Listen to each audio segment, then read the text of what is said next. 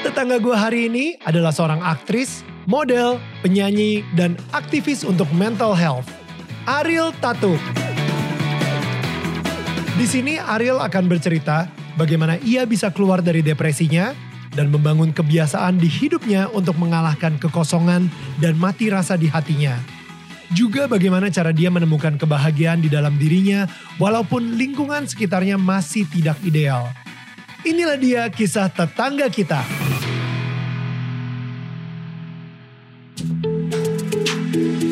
Hai, ini gua Daniel, tetangga kamu. Di sini gua akan ngobrol dengan tetangga gua tentang perjalanan hidup mereka dari kacamata spiritual di saat mereka mengalami situasi tidak pasti dan kekhawatiran sampai bisa kembali bangkit menjadi orang yang lebih kuat dari sebelumnya. It's gonna be very exclusive and inspiring. Hey guys, what's up para tetangga-tetangga gue? Well, hari ini exciting banget uh, dengan bintang tamu kita, dengan tetangga kita. Tapi sebelum itu gue pengen ingetin dulu kalau misalnya kalian suka banget sama acara Daniel Tetangga Kamu dan kalian pengen dapetin official merchandise-nya, check out our uh, Tokopedia homepage di DMN Official Merch. Oke, okay? search aja atau kalian bisa langsung uh, ini ada QR code di sini, tinggal di foto and um, ini will take you to the H. Buset, gue gara-gara ada lo akhirnya jadi ngomongnya jaksel banget nih sekarang. Ariel Tatum everyone. Hai. Gila gue ngomongnya. Ya. Kenapa jadi sign gue? Gue gak pernah ngomong ke Inggris-Inggrisan loh. Gue tuh Enggak selalu ya? di mana pun mencoba untuk selalu berbahasa Indonesia. Indonesia banget gitu ya. Kata ya kayak tadi kita ngobrol-ngobrol bentar gitu tiba-tiba yang kayak gue ngomongnya oke ini akan membawa kalian to the homepage ya gitu Nora abis. Dan sekarang juga ada Viola Mananta in the house. Uh, I know it's I'm been a back. While. Yeah. It's been a while. Yeah. Yeah. I wanted to try out this new sofa. Yeah. Actually. Yeah. Ini I haven't been here since, you know, Yeah. the new ganti setup and ganti set. It's Uh, very comfy. Well done. thank you, thank you, thank you. Viola yang ngedesain Ya, soalnya kan. Um. Tapi yang pastinya di sini juga Ariel nih spesial banget ya karena ini pertama kali juga kita punya mikrofon tiga ya. Norak banget. Such an honor for me guys. Thank you so much for having me. Kita asli kita mulai YouTube channel ini pertamanya cuma ngezoom, abis itu lama-lama punya set sendiri, abis itu punya mikrofon. Sekarang mikrofonnya tiga gitu. Yeah. Jadi Little kayak wins. Little wins, little by little we course. Gitu so kan. happy for you guys. But Ariel, um, kita ketemuan kemarin itu di Jakarta Fashion Week. Betul sekali. Yeah. Akhirnya Yeah. kalau ketemu sama uh, Kak Daniel tuh udah beberapa kali over the years ya. Cuma aku baru sekali dan akhirnya seneng banget bisa ketemu sama Kak Viola. Ah. Karena udah bertahun-tahun suka ngeliatin Instagram dia masak bersama anaknya. Akhirnya ketemu sama dia tuh sorry kak kamu agak-agak tergeser banget It's gitu. okay. Malam itu bener-bener It's okay. Viola gitu. Lu starstruck banget sama Viola. Aku Iya. bilang banget lagi sama dia kayak aku seneng banget akhirnya ketemu kamu. Thank you. I feel so special today. You are always special of Thank course. you. Thank you. Thank I I I love it so much karena actually real uh, beberapa hari sebelumnya I don't know why within that week ya banyak banget yang kayak mau minta foto sama Viola Ya. ada juga ya kan ada beberapa abis itu Actually, yeah, that, that week was a funny Right? week. Yeah. Serius? Iya, Yeah, yeah. serius. Yeah. Uh, di dalam satu atau dua minggu itu gitu. Jadi kayak kita lagi di restoran, ada satu meja ngomong ke teman kita, uh, which is chefnya di situ. Um, Daniel, uh, Viola, sorry banget nih. Um, tapi ada tamu yang pengen minta foto. Oh iya, boleh boleh. Enggak sama Viola. oh. That never happened. I mean, never before. So Uh, well, that was- akhirnya gue kayak nge-video ini gitu kayak, Ayo, oh, akhirnya gue nikah sama selebriti juga gitu kan. how does it feel? I know, I wake up How does next it to feel to be me? You know? So dan akhirnya Ariel juga saat- itu um, you know ketemu Viola Yeah. and you were starstruck. I'm I'm just really happy. I, I felt so honored. Seriously, um, you were wearing like this beautiful, beautiful dress. Who dressed you? Stella Risa. Oh yeah, it was Stella. Yes. Yeah. Mm. So it was a fashion show of Rinaldi Yunarti, Stella Risa, and Yogi. Yogi. Yogi. Yogi, ya. Yogi, yeah. So Hmm. Yeah. it was really Mama. nice to see you there. Really nice to see you. Yes. Hmm.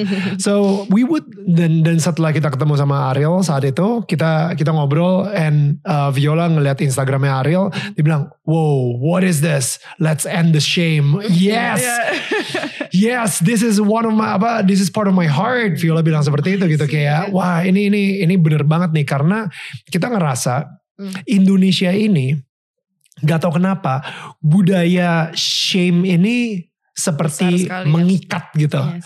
Jadi kita uh, melakukan sesuatu karena takut akan malu.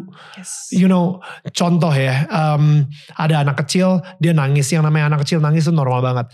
Tapi kebanyakan orang tuanya bakal pertama kali ngomong, diem mah, jangan nangis, jangan nangis. Nanti malu sama, orang. Hmm. right? Sehingga anak itu uh, jadinya surprised banget. Dia dia surprised banget kalau misalnya dia nangis nggak boleh dikeluarkan ekspresinya karena nanti malu sama orang, right? Dan um, ketika uh, Viola ngeliat di Instagramnya Ariel, uh, let's end the shame, Yes. itu kayak wow, kayaknya harus kita undang deh ke Daniel tentang kamu. We would we would love to to know more about you gitu. So let's talk about you a little bit gitu ya. Let's let's talk about the origin story of Ariel Tatum gitu.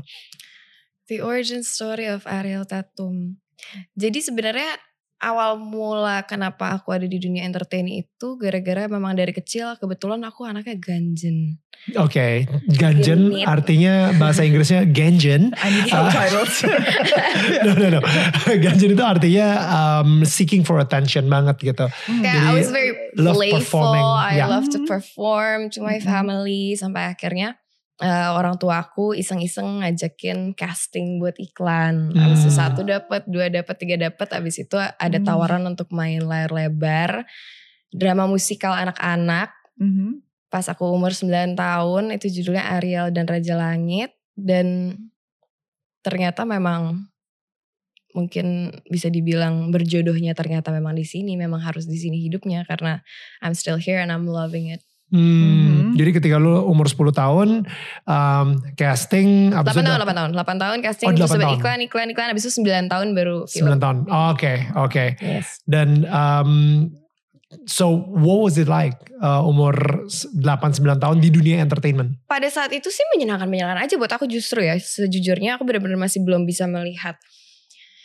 um, aspek-aspek toksik di dalam dunia entertainment gitu. Justru ketika aku sudah beranjak dewasa baru sadar kok gini ya, kok orang-orang seperti ini, kok lingkungannya seperti ini, kok ada banyak pressure-pressure apa ya, norma-norma yang entah dibuat sama siapa yang rasanya kok aku dituntut untuk harus ikutin gitu. Itu sih, itu Hmm. baru ada pertanyaan-pertanyaan itu tuh justru pas aku udah di usia belasan gitu Mhm. di Hmm. usia uh, teenager baru ada kayak kok gue gak nyaman ya sedekat sama orang-orang ini gak nyaman dalam lingkup kerja ini gitu What What do you mean by that?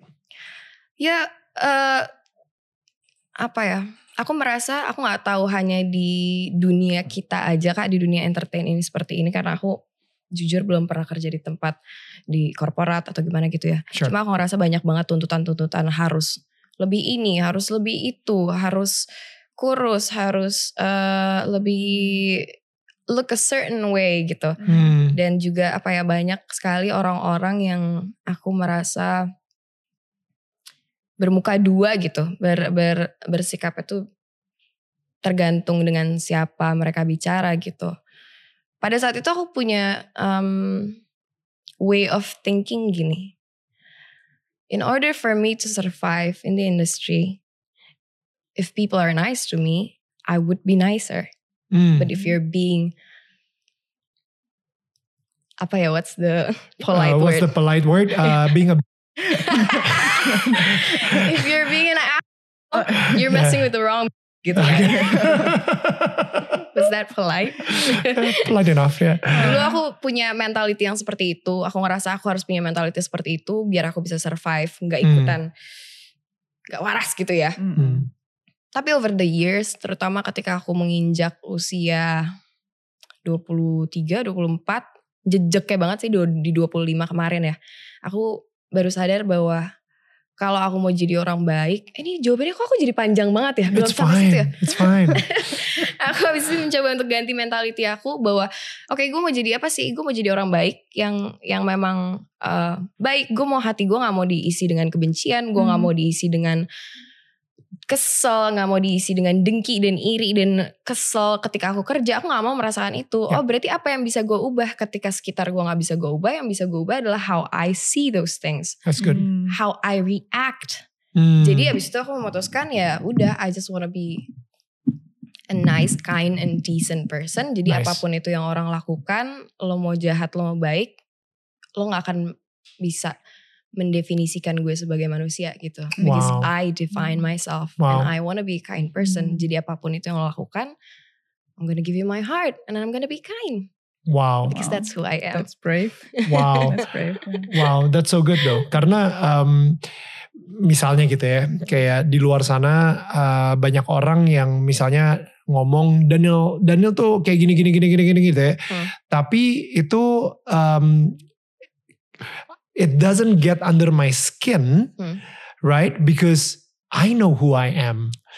Apa istri gue tahu gue siapa, anak-anak gue tahu gue itu siapa Mm-mm. dan orang-orang yang nggak kenal gue justru mereka ngejudge gue based on other things dan mereka cuman kayak ya you know tapi untungnya kita punya boundaries untuk mengetahui uh, kita ini sebenarnya siapa diri kita sebenarnya gitu kan Iya. you know who, who you are gitu Iya. it doesn't affect us akhirnya gitu ya Alhamdulillahnya seperti itu ya. Aku dari Hmm. dulu selalu punya ada satu salah satu quotes yang aku selalu pegang teguh di hidup aku ya. Those who matter don't mind and those who mind don't matter. Wow Itu aku selalu mencoba untuk berpegang teguh dengan itu sih karena benar kamu bilang eventually kita tapi harus tahu dulu sih menurut aku Kak. Banyak orang yang masih bingung menurut aku bukan karena mereka nggak tahu apa yang mereka ma eh, bukan karena gimana tapi karena mereka kurang paham betul apa siapa mereka dan apa mau mereka gitu. Hmm. Aku rasa masih banyak orang-orang di Indonesia yang masih sangat terdampak oleh apa omongan orang, opini orang, karena mereka masih belum apa tahu dengan dengan Jati dirinya jelas mereka. kayak gue nih siapa dan gue mau apa gitu. right Karena kita mungkin kita I don't know about you, cuma kalau misalnya aku aku selalu ngerasa gue mau bahagia, Hmm. gue mau hidup seneng, gue Hmm. gak tahu besok gue mati, ya, gue masih hidup apa enggak, jadi Hmm. might as well live right now at the moment sekarang yang bikin gue happy. Jadi ketika orang lain mau ngomong apa tentang aku, aku tahu yang penting gue bahagia, gue gak mau nyakitin orang, gue gak mau susahin hidup orang, gue happy, orang-orang sekitar gue tahu gue happy, and that's what matters to me. Masalahnya definisi bahagia bagi beberapa orang adalah ketika orang-orang suka sama dia. Yes, itu makanya. Semua orang suka sama dia, Hmm. akhirnya itu adalah definisi bahagianya dia. Hmm. Tapi that's that's not life. Eh, ideally oke deh, secara ideal iya semua orang suka sama lu dan lu bahagia. Tapi sedih banget sih ketika lu menaruh kebahagiaan lu di tangan orang lain. Hmm. You know, di mana uh, pendapat orang lain itu akan menentukan apakah lu adalah orang bahagia atau enggak gitu. Yes. Yeah. Um, what's your thought on that? You know, that made me think of this quote I heard recently about courage. And it said, courage is not thinking that everyone's going to love me if I do it, but doing it even if I know that people might not like me. Yeah, that's something to learn. I, I, I feel like I'm, I might not have grown up in the entertainment industry, but just going to high school in Germany, it was pretty tough for me. And I remember like, um, I also, I put on all these walls. Mm. So I, I mean, I was bullied and, you know, it, it was really tough going to school every day. And when I was, um, I think I was 17 when my best friend decided to, you know, start gossiping about me and going against me. And then everyone turned against me, like in, in my entire level, you know. Mm. And then um, I remember I became really tough and I became really cold. Yes. And um, I carried that with me for so many years until I realized, yeah, I that's actually not me. Mm. I actually want to be this really kind person, right? Because it's actually I'm a kind person. I love to be, you know, I love to be happy. I love to be joyful around other people. I like to be kind. And so I had to learn to let go of those walls and be okay if I was vulnerable. And I, I would have to be okay if I'm kind to people and I get hurt, you know? And it's really hard to grow up and mature and let go of all those things that we've put up as as teenagers or going to high school or, you know, being growing up in entertainment, I guess. It's, you know, It's tougher. it's like another level, you Yeah. know? So yeah, it must have been really tough, but it's it's something to grow up and let go of those um, patterns, those those survival skills that we put on, and Mm. now they don't serve us anymore. Mm. Those survival skills actually they limit us in our personality and who we really are, Mm. right? So Hmm, letting them go is Hmm. really, really healthy and Mhm. Hmm. really Iya, necessary. Aku setuju banget. Yeah. Well, first of all, I'm so sorry that you have to go through that. And I'm really proud of where you are right now in life. You finally deciding to be kind. Let everyone be. Cuma iya maksud Yeah. aku kayak nggak bisa sih dibilang uh, entertainment industry lebih parah atau gimana karena kayak everyone's journey are different and personal and unique gitu maksudnya Mm-mm. it must have been very tough for you as well growing up di sana gitu loh Hmm. Well, I think I think for for almost everyone going through high school years is Mm. Is tough, yeah, Yes, of because children are just not nice to each other. They have to learn Mm, it first, course. right? Yeah, and kan those mereka teenage masih years so developing. ugly. Exactly. yeah, like preteens and teens, they're so ugly. Our daughter now is ten, Mm-mm. and in her class, like some are eleven, and man, those kids are nasty to each other. And serius yeah, I mean, they don't mean it. They just they don't know better, right? Mhm. So we can see how they deal with each other, and it's just part of growing up and figuring out how to live and survive with each Mm. other. Yeah, Hmm. yeah. Jadi uh, lu sendiri kan bilang barusan kayak ketika lu umur 25, lu akhirnya ngerti jati diri lu siapa Yes. dan lu bisa uh, ngerasa kayak nope, you know what? Uh, no matter what people say, gue tahu siapa diri gue, you know your uh, personality dan lain-lain gitu kan. Nah, berarti journey-nya Hmm. dari uh, umur 13 tersebut sampai umur 25 gitu ya. Yes. Having that um, menemukan jati diri itu itu itu yang lumayan menarik banget nih. Nah, what is borderline personality disorder? Uh, bisa dijelasin nggak apa sih arti dari um, what does it mean? Jadi borderline personality disorder itu adalah um, gangguan kejiwaan yang bukan hanya mood disorder tapi juga personality disorder. Kenapa dia namanya borderline? Karena dia memang mencakup dua-duanya. Kayak itu- bipolar itu No, no, it's mirip. different. No, it's Okay. different. It's a whole lot of different things. Oke. Cuma uh, sebenarnya gue aku baru dapat diagnosa tersebut ketika aku umur 17 tahun apa 16 tahun gitu. Aku agak lupa ya. Oke. Karena sempat ada internal battle juga tentang do I really wanna label myself that way. Dulu tuh aku kayak nggak mau gue nggak mau. Hmm. pokoknya gue I just wanna feel better I just wanna be better. Gue nggak mau tahu apa itu diagnosanya. Pokoknya I feel this this this and that and this and that. Kasih tahu aja gue harus ngapain gitu. Right. sampai akhirnya aku ngerasa bahwa ternyata aku butuh tahu diagnosanya sehingga aku tahu ketika gejala-gejalanya datang di mana di batas mana gejala-gejala itu datang yang sudah nggak wajar dan harus aku atasi gitu. Mhm. karena buat BPD itu gejalanya agak nyaru mood swingsnya ekstrim tapi nggak tahu batasnya di mana terus the the empty feelings itu ekstrim tapi nggak tahu juga batasnya di mana karena pada saat itu aku kan masih teenager masih Wow. puber Hmm. kayak it's it's Hmm. it's normal things kalau misalnya aku ngomong uh, secara biasa atau secara lewatan doang orang mungkin bisa pikir ya udah wajar lagi hormonal lagi puber gitu Mhm. tapi ternyata what I experienced was way too extreme dan Hmm. way for way too long gitu. Memang lingers ketika yang lain Hmm. sebenarnya masih bisa beraktivitas, masih bisa produktif. Aku nggak bisa sama sekali gitu. Hmm. What was your question again? Oh the process. Ya, Yeah, maksudnya uh, ta- tapi what was that like? Boleh boleh di tadi kan ada gejala-gejalanya gitu ya. Gejala-gejalanya itu seperti apa sampai akhirnya mengarah ke suicidal. I was chronically depressed. Pada saat itu banyak lah uh, um, karena dulu tuh aku ganti-ganti psikolog terus karena aku gak nyaman. Abis itu aku ganti lagi, aku gak senang sama apa yang dia kasih tahu ke aku. Abis itu aku ganti lagi. Jadi ada beberapa banyak diagnosa belum finalnya, tapi aku Hmm. udah pindah-pindah. Tapi aku ngerasa tuh apa ya chronic emptiness. I was severely depressed. I aku benar-benar nggak bisa berfungsi sama sekali. Aku nggak bisa berinteraksi sama orang. I get a lot of anxiety and panic attacks. Abis itu Hmm. karena karena there's this immense numbness that I felt. Jadi banyak percobaan self harm dan juga eh, hal-hal yang lainnya yang tidak seharusnya aku lakukan gitu. Just to feel something. Yes. Okay. Tapi pada saat itu akhirnya aku bersyukur banget sih. Aku gak tahu kenapa di saat usia 13 itu aku masih punya kesadaran untuk no, this is not normal. I need to do something about this. Akhirnya aku ngomong sama orang tuaku bahwa aku Hmm. butuh bantuan profesional. Ada rasa takut karena biar gimana pun dulu aku dulu pun aku sadar bahwa eh, mencari bantuan psikolog dan psikiater itu masih hal yang dianggap tabu sama masyarakat Indonesia gitu loh. Ya. Aku pada saat itu takut ketika mau ngomong sama orang tuaku, ntar mereka malu nggak ya? Ntar mereka mikir gue gila apa enggak ya? Apa gimana? Ntar gue malah diasingkan apa gimana? Tapi ternyata aku bersyukur banget orang tua aku sama sekali tidak ada di dalam stigma tersebut dan I get all the support and all the love that I needed. back then Hmm. gitu loh. Amazing Hmm. parents. Mm, I Yeah. love them so much. I'm so grateful for them. Hmm. Gitu Hmm. sih. I, I just want to ask a bit more because I remember feeling a little bit like that Mm. after giving birth. Okay. I had this extreme emptiness. And Okay.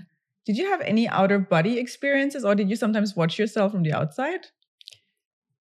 I think that's like another different thing. Okay, I just wanted To- to know. Like, yeah. Yes, but Yeah, I don't yeah, think that's uh um psychological ada. thing gitu deh. Oh, I don't know. Enggak, maksudnya Yeah, kayak no, gini. no, because for me it was don't know with numbness and emptiness. I would like be a bit out of myself and I would watch myself. Like yeah, not, that not really happened to me as well. I would watch myself laugh. I would watch myself engage with people. I was just like I felt like I was detached from myself. Oh ya, yeah, betul. You felt like that yes, too? of course. Okay, yeah, I just wanted to know that. Um, I don't know if that's important or not, but um, Hmm. yeah. No, no, of course it's No, because important. I felt like Yeah. that when I was um, maybe it was postpartum depression, Mm-mm. But it was never diagnosed because I thought, oh, it just sucks being a a young mom and um, waking up five times at night to to Mm. take care of the baby, and you know, it was just like so hard. But everyone was going through that, so I never really got help, and I never Oh, really got a okay. diagnosis. But it sounds really similar to what you experienced, Yeah, just that I never went to suicidal. Yeah. That's good to know. But did you Yeah. like talk to friends and stuff about that? Do you share it with anyone? I think I shared it with Daniel, but he, what, he wouldn't know. Yeah, I'm kind of useless. It's like let's. He's like. Jangan I, am like. I, I, I remember I was like, maybe I should go to Bali and do yoga and find myself. Because I, I remember, like, remember I had the cake shop back then. Uh-uh. And I thought, oh man, like I'm already doing all these things, but they're not fulfilling me. I still feel so empty, you know? And I thought maybe it's so sorry. maybe I'm not doing the right job and like the child is not fulfilling me the husband's not fulfilling me maybe i need to go to bali remember that and maybe i need to go to bali and do some meditation and healing but i mean you know for some people that would be Yeah, yeah. really what course, yeah. helps but i remember going and he said yeah go go maybe it's going to make you feel better and it, it just didn't for me you know Okay. um so How long I- did it last though? f- for me it's like a whole another story like it lasted for a year i think I'm but I didn't get help. But it, it it it had a different story how it went away. But I, we want to focus on on your story. okay. But it's just really interesting for me to hear your story because it feels very similar to what I felt. You know, so Mm. it's um, Mm. really interesting. Yeah, no. yeah. So So, so do you Anyway. Something. Okay. tapi aku interest banget sama cerita yang Raffi I'm Omar. so sorry. I feel like I'm No, no, interrupting this I'm really interested in your story. So now, now it becomes No, like just, my just, help. Just, No. just, yeah, keep going. I, no, I, no, uh, I'm done. I'm No, uh, I'm you done know, uh, asking. Yeah, no, we will talk about this uh, Yeah. off camera. yeah. Oh, yeah. it's okay. Yeah. It's okay. But in, in when people feel that, Huh? it's not normal. I think everyone should know Yes. it's not normal to feel this depression for so long. It's not normal to feel empty constantly. It's not normal to feel numb. Hmm. It's not normal that you cannot feel any feelings of joy or sadness or anger. Because I, I felt nothing. I remember I felt nothing. Just like you said, you felt nothing, right? You Yeah. felt so numb. It's not normal. And if you have been feeling this for a long time, no matter what uh, what place in your life you are right now, um, it's okay to, Seek help. to seek help. Yes, yeah. you should. Yeah. Hmm. Harus banget jangan Yeah. Karena aku ngerasa gini orang suka nanya ya. Ta- tapi maksudnya stres itu kan wajar. Eh, masa hidup nggak stres itu wajar lah. Maksudnya kayak batasannya tuh di mana kita harus tahu Hmm. kita harus cari bantuan profesional. Dan aku ngerasa ya titik di mana kamu harus cari bantuan profesional itu adalah titik di mana kamu tiba-tiba nanya ini masih wajar nggak ya? Menurut aku itu salah satu indikasinya sih Wow. kak. Ngerti nggak? Ketika lo the question, aku ngerasa itu adalah salah satu tubuh kita itu kan our body is a very intelligent, is very Hmm. intelligent gitu loh. Dan Hmm. aku ngerasa hal kayak gitu tuh adalah hal yang di, mencoba yang tubuh kita coba untuk sampaikan ke kita, tapi kan pikiran kita adalah hal yang terpisah sama tubuh kita gitu loh.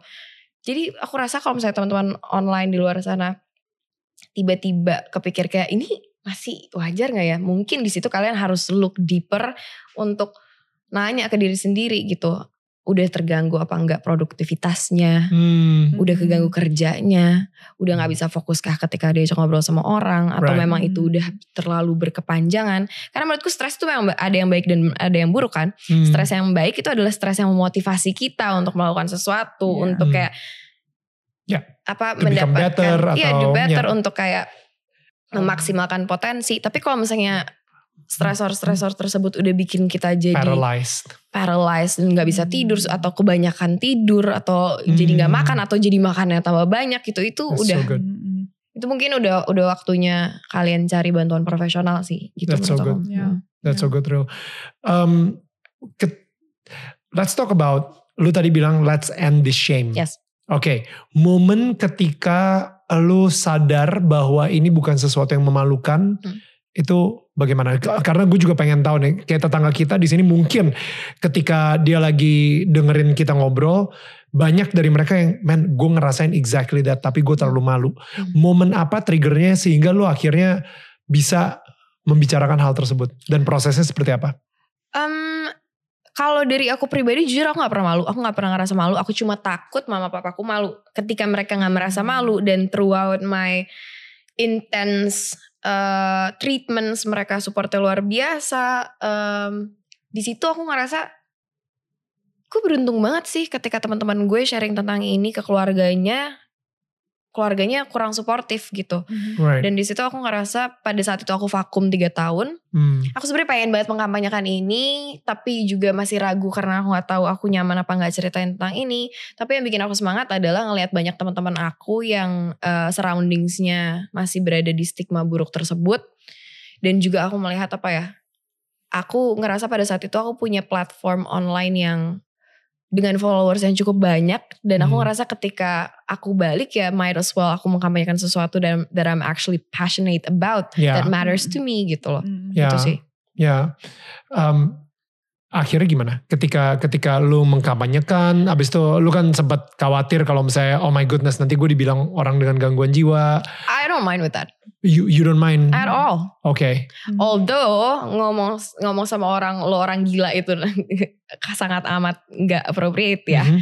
Cuma maksudnya kayak menurut aku pribadi mendingan gak apa-apa lo labelin gue orang gila daripada gue orang gila tapi gak ngaku gila. Daripada there's actually something wrong about me, me Tapi that I need to change, tapi aku gak ngakuin itu. Hmm. Aku mengakui pada saat itu memang aku secara mental tidak stabil. I uh, couldn't function well, tapi at least I seek help gitu. Hmm. Itu sih jadi aku nggak apa-apa kalau misalnya orang. Bahkan pas aku mulai kampanyein kesehatan mental, karena aku habis vakum lama, orang-orang kayak itu saya tuh tuh ngapain sih kayak gitu, cari perhatian banget udah nggak laku ya. Yeah, But wow. then Okay. again kita nggak bisa, mengontrol komen orang. iya nggak bisa Hmm. nutup mulut semua orang. Jadi ya udah. Yeah. Kan toh niatnya nggak di situ. Jadi ya udah. Hmm. Hmm. Yeah, you know yourself. Iya, of course. Right. Anything you want to say? Not yet. Not Okay. yet, Yeah. Oke. Eh, jadi kalau ketika lu vakum selama tiga tahun dari dunia entertainment, what happened dalam tiga tahun itu? Aku mencoba untuk mendefinisikan kembali aku mau jadi orang seperti apa, apa yang bikin aku bahagia. I was doing a lot of journaling, a lot of meditation, a lot of things that I feel um, that I feel like I needed waktu itu.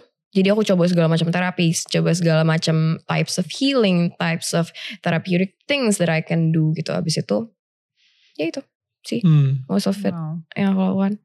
Sounds Hmm. really busy. Iya, aku tapi tapi kesibukan Busy yang sangat healing. menyenangkan sih itu. Iya, Karena iya. maksudnya gini, aku tipe orang yang emang dari kecil aku anaknya curious banget about hal-hal yang memang menurut aku menarik gitu. Jadi ketika niatnya tuh sebenarnya nggak selama itu. Niatnya cuma kayak bentar doang, kayak bentar ya mau istirahat 6 bulan gitu. Eh, Habis itu Hmm. keterusan keterusan dan karena kebetulan manajerku adalah mamaku sendiri memang dari dulu. Jadi memang eh, ya bisa diatur gitu alhamdulillah pada saat itu Hmm. gitu. Dan um, with the with the those three years, Yes. lu di rumah bokap nyokap terus tuh Sama mamaku ya. sama mama papa gitu ya? Papaku sama mamaku udah pisah. Oh Hmm. oke oke oke. Jadi sama mama banget gitu ya Iya, saat sama itu ya? mamaku sama adikku. Oh, Oke sama adik juga. Um, adik lu bedanya 10 tahun kan? Yes. So uh, itu berarti ketika lu lagi lagi um, you know mulai di dunia entertainment 89 itu ya eh muncul adik. iya, lucu banget gak sih? udah gara-gara lu udah kerja kerja di entertainment gitu uh, kayaknya bokap nyokap lu gitu kayak ah kita kayak butuh untuk meramaikan rumah lagi nih. Yang pertama Kaget kayaknya itu, udah itu si Damas, adikku namanya Damas. Damas itu adalah surprise surprise untuk semua orang tapi berakhir menjadi uh, berkat lah untuk semua orang. Karena Oke. benar-benar kelahiran Damas itu membahagiakan banget untuk aku dan mama papa. Tell me more about that. Karena lu tadi bilang gitu kan bahwa kalau bukan karena Damas, eh, dia itu kayak supporter lu banget gitu. Yes, yes. So, Jadi aku tuh ya.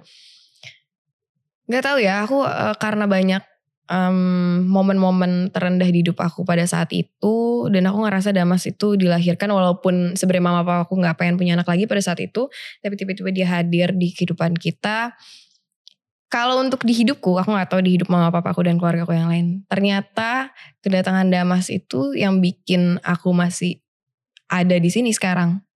what itu mean? waktu itu tuh aku sempat mikir ya.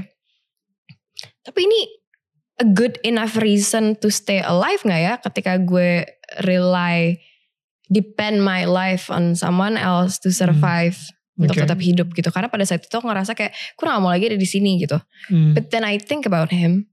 Wow. But then I think about how how sad he would be if I'm not around his life anymore. Hmm. Karena kayak kita sedekat itu dari kecil. Aku sesayang itu sama dia walaupun kita kayak Tom and Jerry. Tapi kayak benar-benar we can't live without each other. Jadi Hmm. pada saat itu tuh aku ngerasa aku gak mau hidup lagi buat aku. Hmm. But I would want to stay alive for him. Hmm. Mm. Jadi pada saat itu aku ngerasa eh Oke gue mau hidup buat dia Tapi kalau misalnya ternyata ah, gak tau ya kak Aku tuh ngerasa Sorry agak muter-muter Harusnya Seperti yang tadi kamu bilang Harusnya our happiness Apalagi hidup kita gak boleh kita kasih ke Orang lain. orang lain gitu. Hmm. Jadi pada saat itu aku ngerasa kayak ini gak apa-apa gak ya? Kayaknya gak boleh deh gue mau hidup cuma karena dia doang gitu. Hmm. But then I realize bahwa memang terkadang kita butuh apa ya? Percikan-percikan tersebut Yap. sehingga api itu bisa nyala kembali gitu. Mm. Dan dan dalam konteks aku adalah mungkin Damas pada saat itu, pada saat itu aku ngerasa Damas buat Damas doang aku masih hidup di sini. Tapi Hmm. ternyata Damas had- hanyalah percikan yang dikasih sama Tuhan dan semesta in order for me Yeah. to To stay alive. to And stay to, alive. To have a motivation to Ah. seek healing, right? Mungkin pada saat itu Tuhan dan semesta tahu, oke ini nih yang bisa dijadikan kunci utama dulu. Ya. Sebelum mungkin pada eh, bukan mungkin eh, ternyata eh, seiring jalannya waktu aku punya alasan-alasan lagi kenapa aku masih mau hidup di dunia ini gitu. That's so good. Iya, jadi Itu kayak kayak gue ngerasa Tuhan sayang banget sama Ariel. Um, jadi akhirnya dikasih deh Damas. Iya, Orang tuh kayak wait wait wait wait wait wait wait. Dan uh, you know tapi at the same time um, akhirnya mungkin sekarang ini pun juga Damas juga bangga banget kali dia bisa ngelihat ngelihat Ariel seperti ini sekarang. Karena dia juga banyak ngelihat momen-momen terendah di hidup aku. Hmm. Dia ngelihat hmm. sendiri nggak mata kepala dia dan dia ngelihat sendiri uh, segala proses aku mencapai di titik ini sekarang dalam hidup gitu. Right. Jadi benar-benar apalagi sekarang dia udah besar kan dia kelas 3 SM 2 SMA. Jadi kayak we can share a lot share a lot of stuff together. Wow. We bisa sharing segala hal. Jadi Ya, Mm-mm. he's such a gift from God. ya, ya. I wrote a poem. Jadi salah satu cara-cara, uh, salah satu hal-hal terapeutik yang disaranin sama psikolog dan psikiater aku dari dulu adalah untuk nulis, Hmm, untuk karena aku main musik, hmm, untuk buat lagu. Pokoknya uh, emosi-emosi tersebut harus dikeluarkan ke Ya. situ kan, karena Hmm. memang aku memang sukanya uh, tertariknya ke seni gitu. Aku pernah bikin puisi, prosa dan juga lagu untuk Damas yang sampai sekarang gak aku rilis. Aku banyak banget gak rilis, emang gak pengen. Wow. Tapi judulnya Anugerah Terindah di hidupku. Wow. Wow. Because that's how I feel about him gitu. Aku Yap. ngerasa dia anugerah banget dari Tuhan dan semesta buat aku gitu. Ya, Wow. Dan gue gue setuju banget eh, bahwa tadi kan gue bilang gitu ya, wah sedih banget kalau misalnya lu menaruh kebahagiaan lu atau mungkin bahkan hidup lu di tangan orang lain gitu. Tapi memang mungkin ada saatnya di mana Tuhan mengizinkan itu terjadi Hmm. sehingga um, only for that season Yes. untuk menyelamatkan hidup lu karena Tuhan bekerja dari dari orang lain juga kan, Iya. melalui orang lain Yes. maksud gue. Kayak Tuhan bekerja melalui orang lain sehingga satu-satunya yang lu bisa lakukan adalah berpegang ke dia dulu nih Iya. sebelum nanti akhirnya lu mengerti untuk Iya. berpegang sama dia gitu misalnya. Itu banget sayang gue rasain. So yeah, I think that for that one season, um, satu momen uh, pada saat itu di hidup lu, emang lu membutuhkan Damas banget gitu. Iya. Tuhan kirim Damas di hidup gue. Iya. Karena gue butuh itu Iya. pada saat Wow. itu. Ya, Amazing that Does your brother know that you Of talk course. about him like that? Of course. think And he's so proud of it. Aw. Tolong ya nggak usah nonton di sini. well, if any of the viewers have a sibling that they want to say thank you to, don't forget to thank your siblings Mhm. because I think we don't really honor our siblings Iya, usually. Dan memang nggak tahu ya bu- budaya sini doang atau di sana di luar Indonesia juga. Kalau siblings tuh agak susah untuk mengungkapkan kasih sayang Ya. dan untuk actually being Bener. loving to your Bener. siblings gitu. Yeah. Bener. We Gue take actually them for granted. Totally. Gue baru baca buku literally. I, I just read this book. Uh, it's called The Blessing dan um, di situ ada satu part uh, how to bless your sibling. Dia bilang kita sering banget uh, bilang thank you sama orang tua kita, thank you sama spouse kita, tapi kita Hmm. Pernah bilang thank you uh, atau just giving a blessing to to your sibling gitu. Hmm. Dan gue langsung I, mikir I feel kayak guilty. I- right, I, I feel like me too. I should call my siblings now. um, there's no happy siblings day. No, and what is it? Mother's Day, Father's Day, but there's no siblings day. Yeah, yeah, Kayaknya ada tapi kita nggak tahu ya. Ya. peduli. nobody, nobody makes it big, right? No, nggak peduli gitu ya. Apa Aneh juga. ya. Tapi Oh. itu aku lucunya eh, begitu Damas dari Damas kecil sih dari Damas kecil dia itu kayak memang mengidolakan aku banget hidupnya. Oh, Dia memang bener-bener kayak apa-apa tuh maunya nempel sama aku walaupun Right. kita sering berantem dan ketika dia besar pun Gen Z tuh aku ngerasa Gen Z tuh sangat-sangat amat cerdas ya. What's cerdas? uh, smart. Smart, Very bright smart. gitu. Oh, okay. Mereka very critical, mereka Hmm. sangat terbuka, eh, sangat em, sangat pinter deh gitu menurut aku. Jadi eh, aku sama Damas tuh sering punya pembicaraan yang kayak, oke gini caranya kita punya hubungan yang lebih baik sama orang tua kita, kita punya hubungan Wow. yang lebih baik sama satu sama lain Ya. gitu. Jadi tapi Tom and Jerry-nya tetap tetap tapi at times like kita ngerasa kayak oke ini kita udah keterlaluan udah kita sayang sayang I'm so proud of you Mm, bangga are you happy? Are you okay? Kita checking apa nih cadar tapi abis itu kayak berantem lagi. Tapi abis itu kayak dam dam dam dam. Kamu gimana? Ya hati-hati ya terus peluk gitu. Kayak mencoba tapi bisa tapi emang nggak afdol aja gitu rasanya kalau nggak pakai berantem jadi tetap Mm-mm. saling menyayangi iya tapi saling menindas juga iya gitu. What a story. Guys, thank you for listening to this podcast. Tapi tenang, ini baru part pertama. Masih ada part selanjutnya. So, biar kalian gak ketinggalan, yuk di follow dulu. Ingat ya, Daniel tetangga kamu.